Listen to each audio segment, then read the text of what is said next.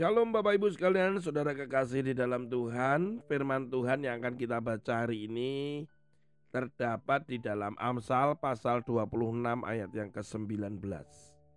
Dengan kata-kata saja seorang hamba tidak dapat diajari, sebab walaupun ia mengerti, namun ia tidak mengindahkannya. Di dalam terjemahan The Message itu lebih jelas ya, dikatakan demikian dibutuhkan lebih dari sekedar berbicara untuk menjaga para pekerja sejalan.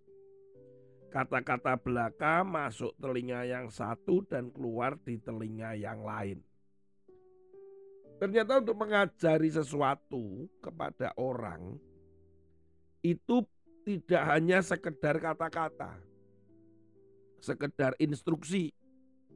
Itu bisa salah jadi ketika papi saya mengajarkan saya pun tentang ya segala yang terkait dengan elektronik, cara penggunaan obeng, kemudian apa gunanya tang, kunci berapa untuk membuka baut nomor berapa. Itu papi saya pasti mengajari saya itu bukan hanya ngomong, tetapi menunjukkan dulu caranya. Saya ini dengan papi saya itu ya, kalau papi saya sudah bilang gini, tolong ambilkan papi kotak itu gitu ya. Kita ada menyebut itu namanya kotak perkakas gitu ya. Perkakas itu berarti alat-alat. Tolong ambilkan perkakasnya papi. Gitu. Nah itu isinya macam-macam ada kunci Inggris, ada tang, ada wah macam-macam. Kalau sudah begitu, Kadang papi saya itu tidak ngomong apa-apa juga loh. Saya diminta untuk nunggu ngelihat apa yang papi saya kerjakan.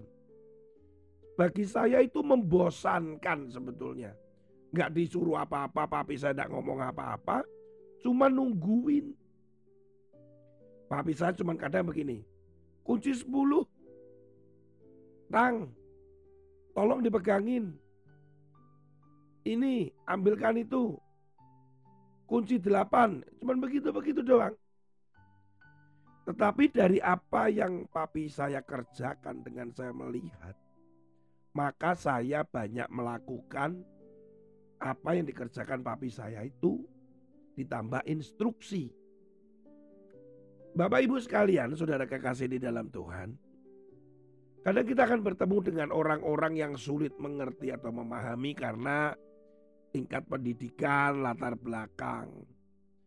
Tapi Tuhan ingatkan bahwa ternyata tidak cukup usaha untuk mengajar itu hanya dengan berbicara. Kadang perlu keteladanan, perlu contoh, perlu mengerjakan bersama. Ketika kita melakukan pekerjaan-pekerjaan Tuhan pun, Perhatikan apa yang pernah Tuhan Yesus lakukan di dunia ini. Bagaimana dia mengampuni orang lain. Bagaimana dia punya belas kasihan terhadap orang miskin. Bagaimana dia menegur kaum Farisi. Bagaimana dia berani untuk berkata benar. Bagaimana Yesus menderita di atas kayu salib. Bagaimana sikap Yesus ketika dikhianati Bagaimana Yesus ketika menuruti Roh Kudus ke mana Roh Kudus mau, dia harus pergi. Bagaimana Yesus menghormati orang tuanya. Bagaimana Yesus menghadapi orang-orang jahat di sekitarnya. Semua sebenarnya Yesus sudah memberikan contoh buat kita. Gak cukup hanya sekedar apa yang dilontarkan dari mulut Yesus. Kemudian menjadi firman tetapi Yesus juga memberikan contoh kepada kita. Jadi nggak cukup saudara cuma hanya mendengar, membaca saja. Tetapi coba bayangkan apa yang Yesus kerjakan selama dia ada di dunia ini. Kemudian saudara contoh dan lakukan. Demikian pula dengan orang-orang di sekitar kita.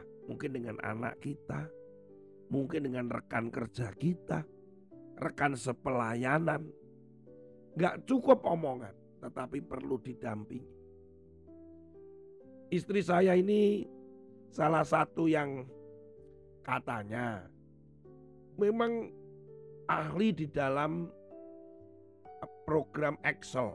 Wah ini kalau dia yang megang Excel, wah hitungan rumus itu dia dengan gerak cepat tangannya dengan shortcut-shortcut. Kalau orang tidak tahu, maka duh kok cepat banget. Kalau dia memberikan instruksi kepada staf, kepada tim pelayanan, nanti gini, nanti kontrol ini, wah sulit itu. Maka dia akan melakukan, ayo kamu lakukan ini didampingin lihat saya, kemudian kerjakan dan akhirnya staf atau tim itu bisa melakukan setelah melihat. Banyak hal saudara, dalam hal bersih-bersih di rumah ketika kami masih punya asisten rumah tangga, ngajarin cara membersihkan ini, mengepel itu. Bahkan istri saya juga mengajari bagaimana menerima telepon. Nah, kalau instruksi saja untuk dibaca, maka kadang akan sulit. Oleh karena itu kita perlu menjadi teladan. Yang pertama kita belajar bahwa Yesus sudah memberikan teladan kepada kita apa yang dia kerjakan dan dia lakukan. Yang kedua, kita juga harus menjadi teladan dan contoh bagi orang lain atas apa yang kita yakini yaitu firman dan kebenaran firman Tuhan itu. Gak cukup hanya bicara, gak cukup hanya ngomong. Tapi tunjukkan keteladanan saudara untuk mereka mengerti akan kebenaran firman Tuhan. Tuhan Yesus memberkati. Sampai ketemu pada episode yang berbeda. Haleluya. Amin.